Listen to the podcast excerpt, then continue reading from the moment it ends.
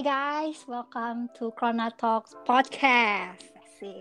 Setelah ribuan purnama nih, akhirnya Corona Talks ada lagi. Gila, udah lama banget sih. Sejak podcast yang terakhir tuh, karena kita di Corona nggak ada waktu guys. Kayak bingung gitu, udah udah sibuk kerjaan terus harus buat podcast. Tapi akhirnya kita berhasil mencari waktu untuk buat podcast ini guys.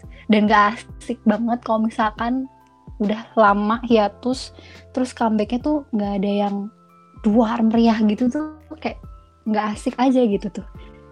Bahkan saking lamanya Corona Talk nggak ada tuh sampai hostnya udah ganti jenis kelamin guys. Sudah bukan Mas Indra Jaya lagi yang host ini sudah berganti jenis kelamin. Hostnya ya jadi seorang perempuan cantik. Nan rajin nabung gitu. Nah sekarang nih kalian ditemenin sama seseorang yang kerjanya nyari konten mulu. Pokoknya kalau ada yang hits gimana caranya bisa jadi konten? Jadi kalian ditemenin sama gue Gita Maharani selaku konten strategis di Krona. Tapi kalian tenang aja kalian gak bakal dengan gue sendirian ngomong gak jelas gitu. Karena kali ini gue ditemenin sama seseorang yang karismatik edgy goks banget deh gila orang ini gue temenin sama Mbak Syahrina Pahlevi. Hai, Ibu Gita Paharani. Asik. Jadi Mbak Syahrina Pahlevi atau yang biasa kita sebut Mbak Evi ini sebagai apa Mbak di Krona Mbak? Aku Krona uh, eh, OB tuh yang mesen-mesenin makan. Oh, OB. Baik. Jadi Ini berarti uh, yang kerjanya Amin ya? Ah, uh -uh, yang kalau misalnya siang, guys mau makan apa guys gitu, yang gitu-gitu. Ih, bisa aja Mbak Evi.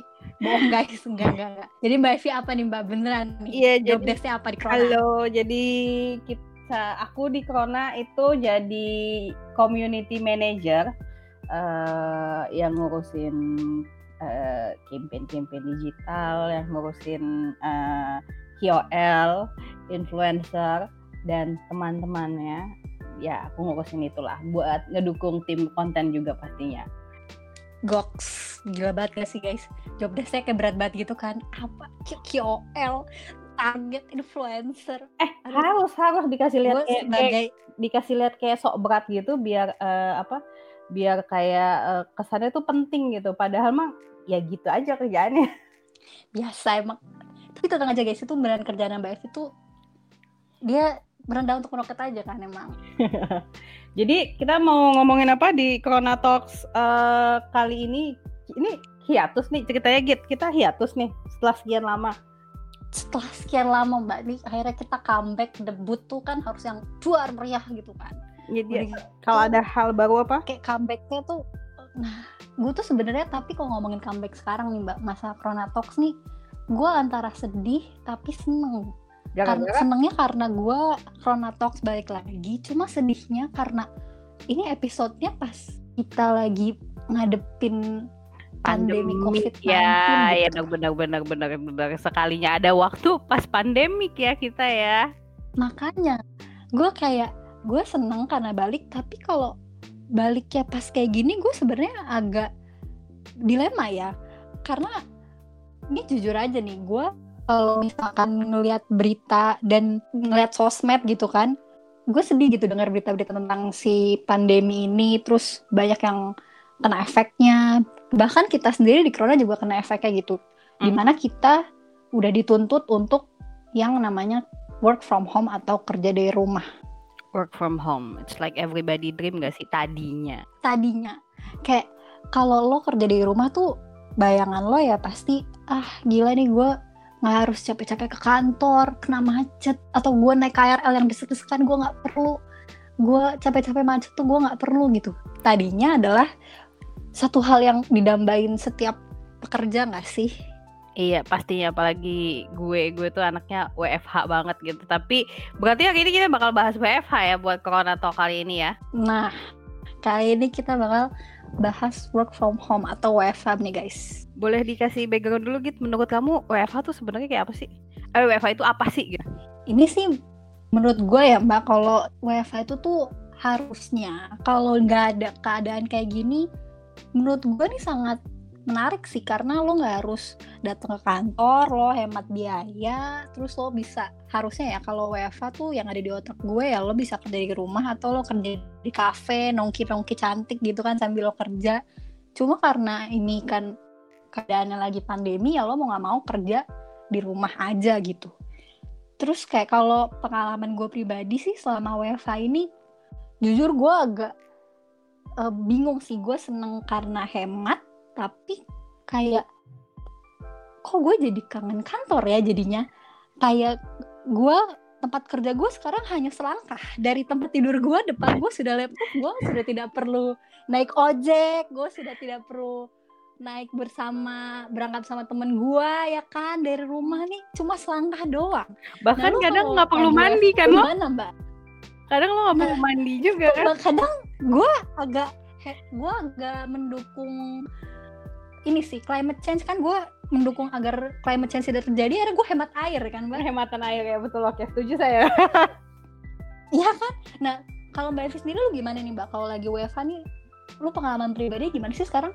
Kalau buat gue konsep WFH atau working from home itu ya emang kayak literally lo work from home. Tapi far before pandemic ini kejadian gitu gue udah cukup akrab dengan WFH karena uh, beberapa tahun belakang gue lebih cenderung ngambil pekerjaan yang freelance atau by project jadi lebih banyak pekerjaan gue tuh di rumah dibanding gue harus ke kantor gitu tapi uh, sedi rumah di rumahnya dulu tuh pasti ada hari di mana gue harus jalan ke sini buat meeting, jalan ke sini ketemu klien atau jalan ke mana ketemu vendor. Nah WFH si versi pandemi corona ini sih something yang belum kepikiran ya sebelumnya sama gue yang kayak lu bener-bener berhari-hari lu beneran kerja dari rumah aja udah gitu. Kayak lu bangun tidur buka laptop kerja dari rumah ngerjain semuanya dari rumah koordinasi dari iya rumah sih. gitu. Ya kan? Terus kayak uh, asli udah gitu udah di tahap yang ini gak sih? Uh, apa? Di tahap yang kalau uh, eh, gue tuh udah nggak tahu hari men. Jadi kadang nah, itu sih. diajak ngomong gitu kayak uh, hari ini hari apa ya kayaknya Kamis deh. Terus kayak kebetulan gue masih punya sepupu yang sekolah. Maksudnya dia masih sekolah jadi dia masih kayak lebih aware lah tentang hari. Terus tadi dia suka bilang kak ini tuh hari Jumat. Oh, okay. kalau gue sih udah di tahap iya sih udah sih. itu ya. Gue bahkan tuh hampir tiap hari sih gue nanya kakak gue mulu ini tuh hari apa ya? Sampai karena gue udah nggak nggak tahu deh ini ini hari apa. Terus udah gitu gue kadang suka lupa waktu sih kayak misalkan kayak gue bangun let's say gue jam 9 jam 10 gue bangun terus kayak udah kan gue buka laptop kerja terus habis itu udah tuh. Kayak apalagi sekarang lagi puasa kan udah gue nggak makan apalagi gue tadi hemat air ya kan udah gue nggak mandi terus gue nggak makan kerja udah tuh bangun-bangun oh udah zuhur gue sholat balik lagi udah gue udah nggak tahu deh. Terus balik lagi udah tiba-tiba azan maghrib terus sebenarnya buka ah, tapi kalau ngeliat gue kayak otomatis kan kayak WFH nih jadi tren gitu ya tren buat uh, semuanya lah nggak cuma dari Sabang sampai Merauke. Wah kayaknya sedunia nih semua ngalamin tren baru yang namanya working from home. Uh, kalau kamu menurut kamu sendiri tuh ada apa ada kayak uh, sesuatu yang menarik nggak sih dari eh, apa dari WFH ini? Ini misalnya tiba-tiba uh, oh iya nih jadi screen time lebih banyak gitu terus jadi paket data juga jebol karena beberapa temen gue udah mulai protes masalah hmm, paket hmm, data gue hmm. jebol gitu. Asli kadang tuh gue bahkan nggak pernah mikirin yang kayak ah screen time lah itu kan kerjaan banget nggak sih personal aja kayak ih udah waktu internet kayak wifi gue udah kadang FUP-nya ah udah parah banget deh. Layanan yang Indigo itu tuh kadang kan udah FUP-nya cepet mati-mati kan. Nggak bisa kerja pula udah gitu WFH ya mau nggak mau pasti kita bergantung sama internet lah sekarang. Kalau nggak bergantung sama internet kerjanya gimana ya kan? Udah gitu ini kalau kalau gue sih mbak itu tuh kalau kita hidup di zaman kayak 1950-an aja tuh gue nggak ngebayang sih kita masih bisa WFH atau enggak kalau lu ngebayang gak sih mbak kayak misalkan nih WFH gitu kita aja internet mati udah marah-marah kalau kita hidup kayak lagi di zaman kayak gitu tuh kita kita kayak apa ya Eh, tapi kalau gue jujur aja ya, kalau misalnya dari segi uh, masalah internet, WFH ini kayak semuanya everybody is dealing with internet connection kan. Termasuk karena gosipnya mm -hmm. provider-provider tuh ngecilin bandwidth mereka yang hasil jadinya uh, ada turn down time beberapa waktu. Kalau di gue sendiri di rumah gue tuh kayak turn down waktu turn down time gue tuh either jam 12 siangan atau kisaran jam 6 maghrib. Nah itu turn down tuh kayak wifi gue nyala tapi uh, literally nggak bisa nyambung, nggak dapet internet connection apa pun hmm. gitu.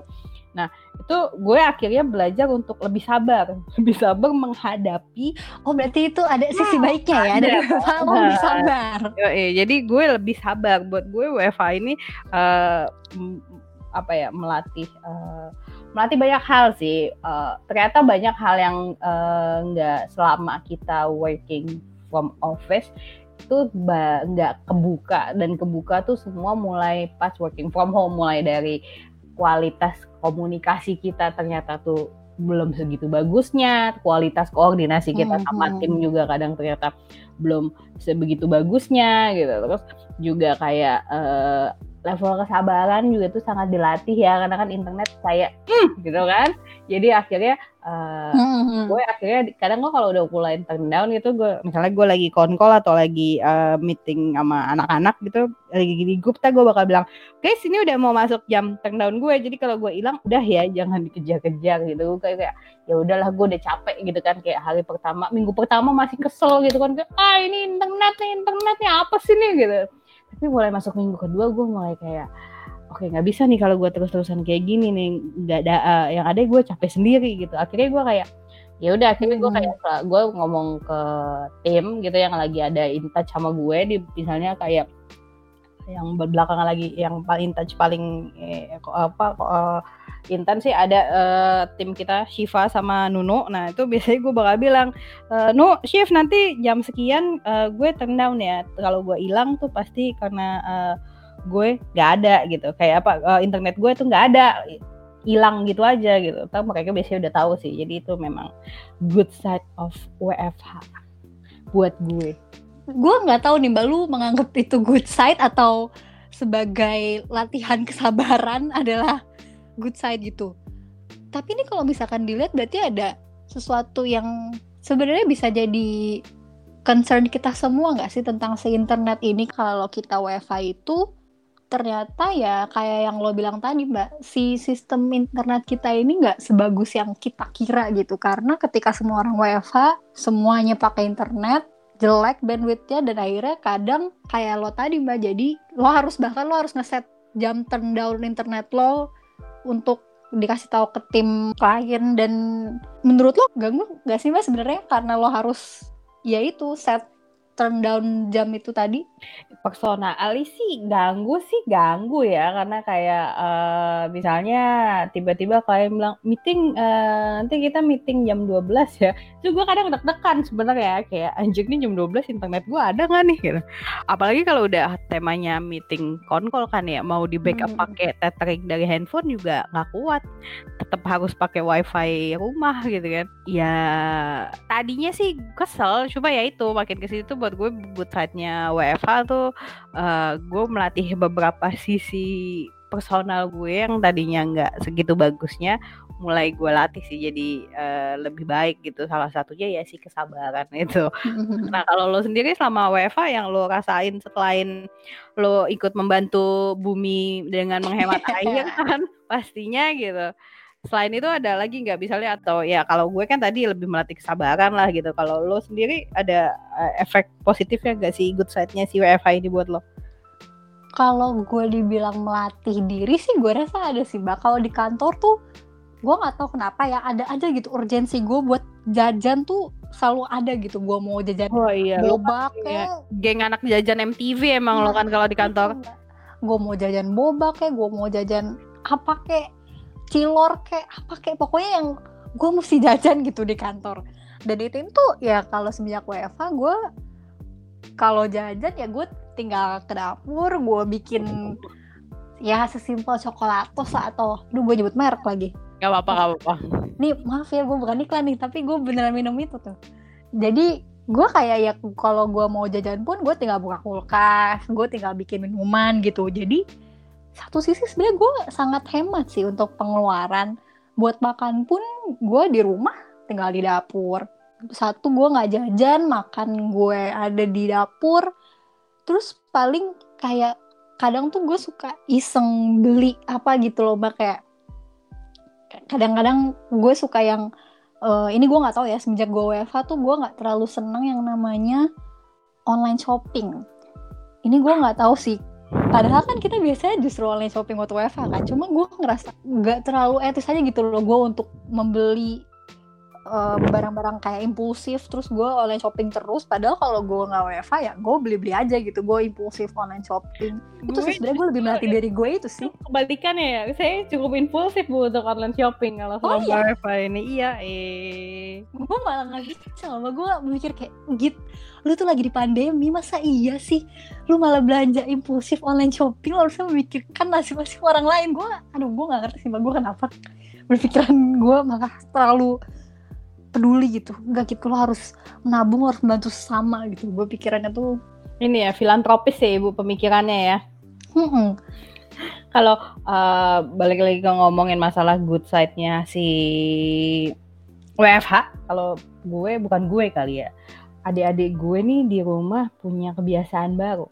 Gimana tuh memang jadi kebetulan uh, alhamdulillah rumah gue tuh tanah kosongnya masih lumayan luas jadi tuh tiba-tiba semua jadi kayak petani cuy.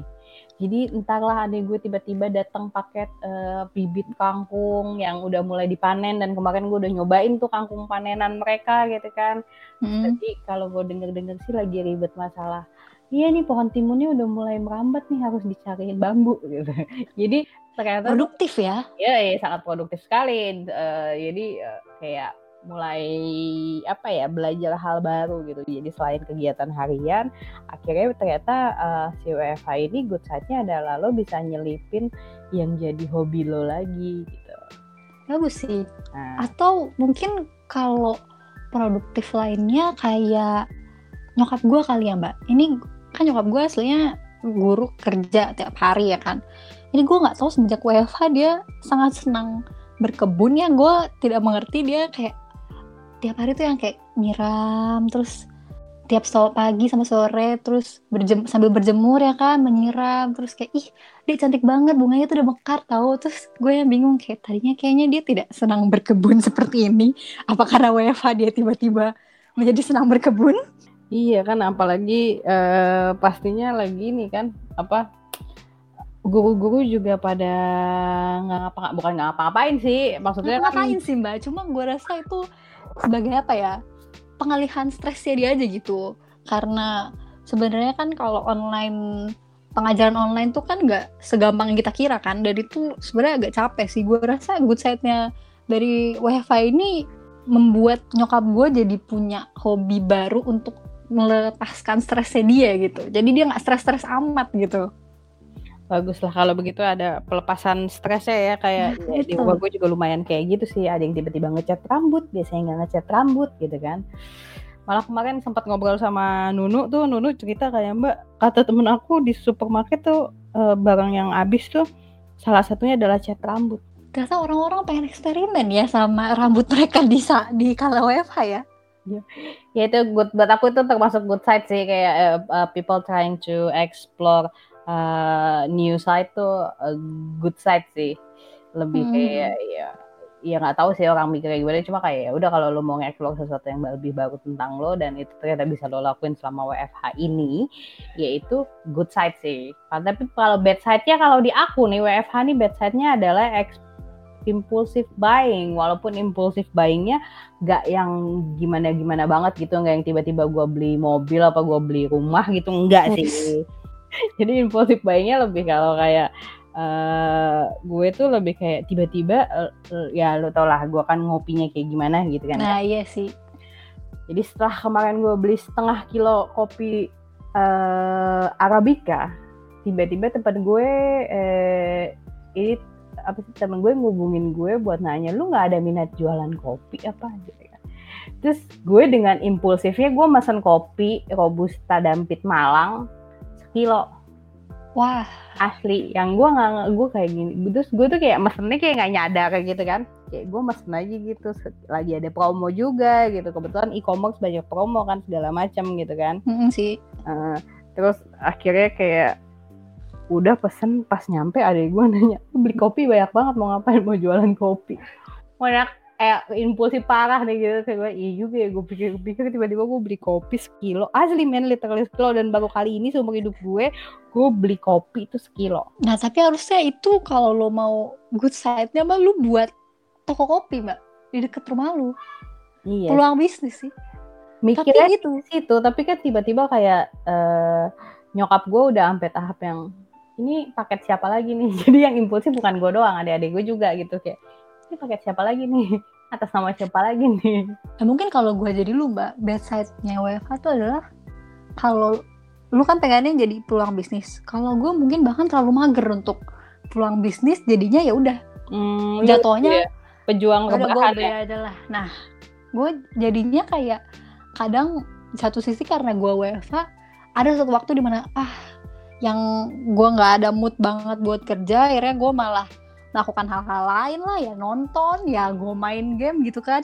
Tapi ntar abis itu gue kerja bentar, gue nonton lagi akhirnya gue gue nggak tahu nih jam porsi jam kerja gue dan porsi istirahat gue kadang Nah, udah kalau ngomongin nyatu gitu. porsi jam kerja gitu ya gitu. Lu ngerasa gak sih kalau WFH ini tuh kadang bikin kerjaan kayak 24/7 sebenarnya? Nah, gue mikirnya karena lu di rumah doang, terus rutin lu jadinya ya kerja lu udah termasuk rutin di rumah lu. Jadi mau nggak mau kalau dikontak jam 8 atau jam 9 kadang kalau dibilang lagi apa ya gue masih buka laptop mbak jadi gue bingung gitu ini jam kerja gue sampai jam berapa ya Masih sampai sekarang tuh ya. Kan awal-awal gue sempet lu sempet cerita juga kan. Iya nih Mbak aku 24/7 banget nih kerjanya gitu.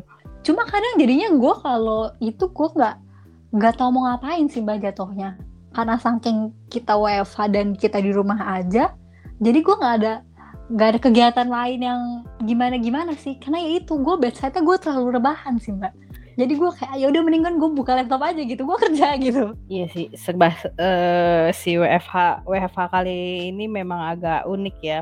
Gue inget sih terakhir kali eh, yang pas kita sempet keluar makan ke mana tuh terus yang lo bilang mbak kita kapan-kapan kerja dari kafe yuk gitu. Nah. Oh ya boleh-boleh gitu. itu situasi di WFH di mana gue pengennya WFH kayak gitu mbak. Nggak WFH kayak sekarang sih. Tapi kita bisa WFH kayak gini tuh privilege loh gitu. gue nyadar sih mbak kalau itu. Makanya tadi gue juga sebenarnya yang gue bilang impulsif buying tuh gue sebenarnya gue harusnya gue tuh harusnya membantu orang-orang lain gitu. Gue nyadar nih gue bahkan bisa mik- pikiran gue udah bukan makan pikiran gue cuma online shopping gitu. Sedangkan orang-orang di luar tuh pikirannya tiap hari gue mau makan apa? Gue bisa ngasih keluarga gue apa nggak sih mbak Kan impulsive buying itu salah satu bentuk lo bisa eh, membantu perekonomian ini, perekonomian UMKM. Iya sih, cuma kalau kalau gue pribadi tuh gue lebih seneng yang gue ngasih donasi atau eh gue mesen GoFood tapi GoFoodnya buat abangnya gitu. Jadi nggak yang dalam bentuk gue beli barang gitu mbak. Kalau gue pribadi sih.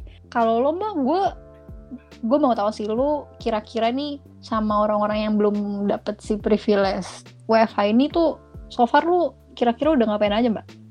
Kalau buat teman-teman yang nggak bisa dapat privilege WFH nih so far ya, eh eh sebenarnya bukan privilege WFH sih, malah justru lebih ke orang-orang kan kalau misalnya lu nggak bisa dapat privilege WFH berarti lu masih kerja tapi lu nggak WFH Hmm, gitu kan. hmm. Kalau gue lebih ke orang-orang yang udah nggak dapat apa-apa nih gara-gara pandemi ini gitu. Kerja enggak, WFH, boro-boro WFH kerja aja udah enggak gitu. Nah, Iya sih. kalau gue pribadi sih, eh, gue lebih kayak apa ya social movement nggak juga kan ini baru gue doang gitu sama beberapa tim gue dulu di project yang pernah gue pegang juga gitu kayak jadi lebih kayak bagi-bagi sembako sih gitu. Oh, itu lu udah ngelakuin ke sekitar RT kah? Atau udah kayak se sekota Depok atau gimana? nggak sekota Depok juga sih lebih kayak sebenarnya lebih ke kak pernah nggak dengar katanya kalau kita tuh mau nolong orang coba ditolong tuh yang deket-deket kita dulu gitu. Jangan tiba-tiba Hmm, hmm, gue di Depok terus gue nolong anak Papua gitu. Jauh banget gitu kan. Jadi Hmm. Ya, gue sih gak tahu ya kalau pendapat orang tapi gue personally ada di eh, situ gitu. Jadi gue ngerasa bahwa gue tuh harus mencoba menolong orang-orang sekitar gue dulu. Jadi hasil kayak alhamdulillah eh, gue bikinin paket sembako yang gue kasih ke orang-orang sekitar gue gitu. Either yang emang eh, kadang nyokap gue bilang ada nih keluarga ini suaminya udah nggak kerja istrinya udah nggak kerja makan juga udah susah. Nah yang kayak gitu-gitu sih akhirnya yang eh, jadinya gue kasih gitu. Atau yang misalnya gue ketemu uh, pemulung di jalan atau misalnya ketemu tukang parkir gitu yang gue rasa nih juga nggak mungkin banyak juga yang parkir. Orang kan PSBB juga gitu Hmm, kan. hmm. Iya lebih yang kayak eh, gitu-gitu sih yang akhirnya gue coba buat nolong sampai yang kayak kamu lakuin juga. Lebih kayak mesen GoFood atau mesen GrabFood. Tapi ntar gue bilang mas tuh buat mas aja ya. Dan surprisingly sih beberapa kali apa gue melakukan itu tuh tanggapannya selalu positif gitu lebih Iya, kayak- iya sih benar. Iya nggak sih? Kayak mereka tuh juga nungguin itu kan sebenarnya. Mm-mm. Eh, kayak habis kayak kita tuh mau menyalahin satu belah pihak juga lebih kayak eh, gak bisa gitu. Kayak lo mau nyalahin pengusaha gitu kayak lo jadi pengusaha harus tanggung jawab dong gini gini gini gini. Buat gue nggak bisa juga gitu karena pengusaha juga ini kondisinya beneran di stop semuanya. Jadi yang rugi tuh bukan cuma pekerjanya tapi juga pengusahanya gitu. Kayak bukan gimana ya kan kan kadang Mm-mm. Kalau pembahasan in general kadang orang suka ngerasa bahwa lo jadi pengusaha harus tanggung jawab dong. Lo kan dapat untung dapat ini dapat ini. Cuma tuh kadang yang nggak dilihat orang bahwa uh, si gunung es jadi pengusaha itu kan gede banget ya. Iya, benar. yang kelihatan di atas tuh lebih kayak oh lu pengusaha lo CEO of something gitu yang oh, kerjaan lo banyak ini lo banyak. Tapi in the other side yang kelap di bawah yang banyak gak kelihatan itu kan tanggung jawabnya juga besar gitu. Mm-mm. ya gitu sih kalau menurut gue eh gue mencoba untuk menolongnya lebih nggak pandang bulu kayak eh dia kan kerja biarin aja lah gitu gitu tapi kadang Iya, ada juga yang ternyata dia kerja tapi udah nggak digaji juga gitu kan. Mungkin kalau misalkan selain ini kan kalau tadi Mbak Evi sama gue kan membantunya nih ada peran duit lah ya di sini ada, ada peran uang nih di sini kan apa kita ngasih sembako atau kita ngasih donasi atau kita beliin abang GoFood atau GrabFood kan pasti mau nggak mau kita apa ya eh, ada uangnya gitu di situ. Sebenarnya ini kalau menurut gue juga ya Mbak, kita juga bisa kalau emang eh, ada adik kita lah yang masih SMA atau SMP pengen bantu, sebenarnya dengan mereka di rumah aja tuh bisa bantu juga kan. Kalau ya mereka nggak, kalau nggak yang penting-penting banget gitu, nggak harus kayak ngumpul di kafe lah atau ketemu bareng temen-temen yang yang masih pada bandel gitu kan. Sebenarnya mereka juga bisa bantu gitu dengan ya udah di rumah aja tuh lo juga bisa bantu mereka untuk nggak kena si COVID-19 ini. Yoi, si gerakan di rumah aja nih juga udah membantu sih se apa ngebantu ngebantu how we flatten the curve itu kan yang penting kan sekarang katanya gimana Mhm. uh, jadi menurut gue memang itu penting sih Iya sih. Terus kalau misalkan tentang tentang sifat Thunder Curve ini nih, gue juga sebenarnya pengen ini sih mbak, pengen memperbesar si movement Flat Thunder Curve ini ke seluruh Indonesia sih, karena kan pasti yang ngalamin pandemi ini seluruh Indonesia dan gak mungkin kan mereka uh, dapet informasi secepat kita di daerah Jabodetabek kan. Gue kadang bingung sih gimana kayak harus mem- memberitahu info yang penting tapi cepet gitu kayak ke orang-orang yang emang harusnya tuh ya apa mereka pekerja harian atau mereka yang abang ojek online gitu kan untuk ya dapat informasi yang cepet tapi nggak harus dan disesuaikan sih sebenarnya dan disesuaikan sama konteks mereka tinggal di mana sih Hmm, ya, I see, I see. itu salah satu hambatan, eh, apa- bukan salah satu hambatan sih, salah satu cara kita buat eh, nolong mereka-mereka ya, Mhm. kayak eh, reaching all with the right information kan karena kayak orang di perkotaan sama orang di rural side tuh kayak nerima informasi itu kan beda-beda gitu kan. Mm-mm. Mungkin baik lagi kali ya Mbak kalau kita bahas tentang si WFH ini tuh kayak kita harus berbenah juga deh Mbak untuk biar si bedside-nya ini tuh nggak lebih besar gitu. Kalau dari lo gimana nih Mbak biar kalau lo so far nih solusi dari lo biar uh, kalau lo tadi kan uh, bedside-nya lebih kayak uh, Apa itu eh explosive buyer. nah kalau lo tuh gimana tuh Mbak kayak Kalau apa overcome kali si ya? impulsive buying ini tuh lo sudah melakukan apa biar lo nggak impulsive buying lagi nih? Hmm, susah itu tapi eh, kalau mau ngomongin tips-tips buat eh, selama WFH nih eh gue punya tips bahwa kita harus bisa ngeset jam kerja kita. Karena itu sebenarnya pengaruhnya gede juga sih ya. Mm-mm, jadi kadang eh, eh, kayak lagi bosen nih, megangin handphone, buka aplikasi apa gitu kan. Terus eh, akhirnya gue mencoba mengatasi itu dengan oke pokoknya selama gue berada di jam kerja, gue tuh nggak akan eh, buka aplikasi shopping apa pun. Oke. Kecuali, ya, kecuali tiba-tiba klien memang ada hubungannya sama salah satu platform e-commerce yang harus diurusin itu another thing gitu. Hmm. Terus sama kalau tips gue selama buat gue selama WFH nih eh apa ya? Lo harus bukan fokus sih, lo harus bisa cari eh, spot yang nyaman buat lo WFH. Buat gue rebahan tuh bukan solusi buat WFH ya. Please guys, menurut gue tuh kalau lo mau WFH yang baik dan benar, bangun dari tempat tidur lo, cari meja yang Benar sih. benar, Iya ya jangan benar-benar. pernah bekerja dari tempat tidur Anda karena eh, kemungkinan besar adalah bekerja 20%, baringannya 80%. Benar sih. Itu juga sih Mbak gue sama WFH ini tuh gue emang tempat kerja gue selangkah tapi di meja belajar gue. Jadi emang godaannya gede banget kan buat gue rebahan di tempat tidur. Cuma gue usahain untuk gue selalu kerja di meja belajar gue sih biar ya itu gue ada vibe kerja gitu. Kalau enggak gue rebahan doang ntar gue nggak kerja kerja Ya benar benar benar. Sama eh, nyari eh selain nyari spot yang asik, mungkin juga creating suasana kerja enak kali ya. Nah, Iya. kalau gue ini nih Mbak, gue lebih ke playlist sih.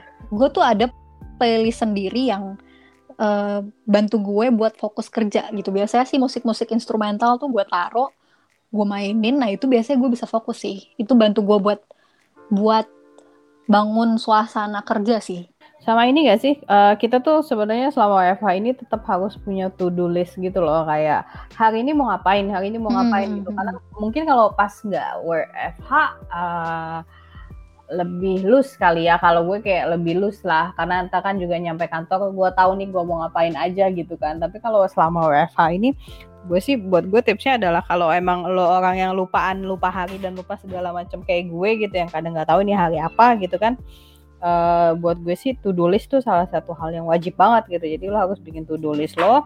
Hari ini lo ngapain? Hari ini klien apa aja yang harus lo kontak? Hari ini apa aja yang harus lo update? Jadi itu kayak salah satu hal yang wajib kali ya. Bener sih, to-do list juga bagus ya menurut gue. Gue bahkan sampai gue bikin wallpaper HP gue itu to-do list gue sih, biar gue selalu inget to-do list gue apa. Kalau enggak, Serius Gue lo wallpaper HP lo to do list lo? beneran mbak, wa- wallpaper gue tuh to-do list gue karena kalau enggak, gue udah miss aja gitu. Gue harus nge- ngerjain apa tuh, gue nggak ada tracknya. Nah itu makanya gue harus bikin to-do list di wallpaper HP gue sih.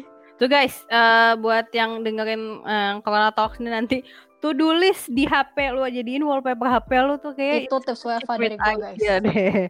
bekerja di gua asli nah ini sebenarnya ngomongin WFH nih gua rasa sih sampai mungkin bulan apa ya? Juni mungkin ya. Nah, ini iya, nggak bakal kalau- ada habis ya kalau, sih. Kalau ngomongin tebak-tebakan kapan WFH ini selesai, menurut lo kapan WFH ini akan selesai? gue jujur aja gue nggak tahu mbak.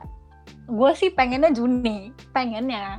Cuma kalau ternyata Juni nggak selesai ya gue bisa apa ya kan? Juni Juni selesai atau kalau gue pribadi menurut gue gue nggak tahu ya. Kok gue punya feeling either itu Agustus baru selesai ya. Maksudnya Agustus uh, kemarin sempat dengar juga beberapa ini kan apa beberapa berita kalau presiden ngarepin kita bulan Juli itu udah bisa hidup secara hmm. normal hmm. gitu tapi uh, kalau gue lihat kondisi di jalanan yang PSBB gitu kan pagi siang bareng-bareng sebenarnya gitu kan tetap rame walaupun benar-benar sih ya nggak serame itu sih maksudnya nggak semacet itu tapi tetap rame kadang gue pribadi ngerasa mungkin Agustus kali ya kita bisa hidup normal lagi. Semoga amin uh, kalau bisa lebih cepat lebih bagus lagi gitu. Banget sih Mbak. Semoga banget sih gue satu karena gue kangen gue nggak pernah tahu kalau gue bakal kangen kantor gitu kan terus capek guys untuk WFH secara virtual dan nggak ketemu teman-teman kantor gitu terus belum lagi kalau kita ngomongin yang tentang orang-orang yang masih belum bisa bekerja dari rumah itu gue miris sih mbak dengarnya karena dengan WiFi ini ya kita masih enak bisa WFH terus dia nggak bisa tuh gue sebenarnya pengen kasih apresiasi sih buat mereka yang bertaruh nyawa lah istilahnya untuk kita yang bisa WFH di rumah ini sih. Bener-bener banget. Jadi in conclusion, what is WFH for you, Git? Satu kegiatan yang membuat gue menyadari bahwa gue memiliki uh, potensi diri yang gue tidak pernah tahu tapi gue juga memiliki kelemahan yang tidak pernah gue tahu mbak lu menurut lo apa mbak WFH mbak kalau buat gue WFH nih adalah apa ya WFH kali ini tuh kayak ajang uh, koreksi diri sebenarnya. Ya sama sih kurang lebih sama lo lebih kayak gue akhirnya tahu uh, potensi gue yang baru. Bukan potensi baru sih mungkin. Mungkin itu potensi udah lama cuma gue nggak ngeh gitu kan. Ternyata gue bisa begini, gue bisa begini, tapi di satu sisi, oh ternyata gue masih ada week ya di sisi ini, ini, ini, ini, lebih kayak si WFH ini, uh, ya thank God sih kayak kita punya privilege buat uh, corona, semua tim corona tuh punya privilege buat doing WFH gitu dan uh, ngasih kesempatan kita buat apa ya lebih kayak buat menggali potensi diri sendiri gitu. Kalau kata BB operation kita mas Valen kayak WFH mendekatkan kita dengan segalanya, mendekatkan dengan keluarga, mendekatkan dengan teman-teman kantor juga karena walaupun kita nggak makin kangen ya, uh, makin kangen kan, lebih sering konkolan, lebih sering segala macem gitu dan juga uh, yang ngembangin potensi diri aja sih menurut gue. Bener sih, gue semoga sih wifi ini kita dapat mengambil hikmah asik dari wifi ini deh. Oke, ini udah cukup lama ya kita berbincang-bincang Ria mengenai WiFi ini. Mm -hmm. Gue terima kasih kepada Ibu Syarif Felixia yang sudah menemani saya untuk berbincang-bincang Ria mengenai WFH dan semoga kita bisa menghadapi pandemi ini sampai selesai. Semoga WFH-nya makin menyenangkan ya semuanya teman-teman. Iya buat yang dengerin juga semoga kalau Eva tadi tips-tips dari kita sebenarnya berguna banget loh guys untuk kalian pakai. Kalau kalau bahasanya bahasanya art director kita di apa jangan dilawan goyang aja gitu. Lemesin aja. Eh, lemesin aja. Habis mau kayak gimana juga nih kan kayaknya emang uh, pandemi kondisi yang harus dialami om semuanya daripada kita ngegerutu mulu mendingan yuk lah diikutin aja gitu harus hmm. gimana itu aja lah guys. Jangan jangan dibawa pusing. Terima kasih kepada Ibu Syahrina Pahlevi ya untuk bincang-bincangnya hari ini. Dan semoga kita dapat melalui pandemi ini. Dan terima kasih buat kalian yang sudah mendengarkan kita berbincang-bincang. Ya. BTW bakal ada episode selanjutnya apa bakal hiatus lagi nih? Oh, tentu ada episode selanjutnya. Nih karena kita sekarang menyadari Mbak bahwa podcast tuh memiliki potensi yang besar.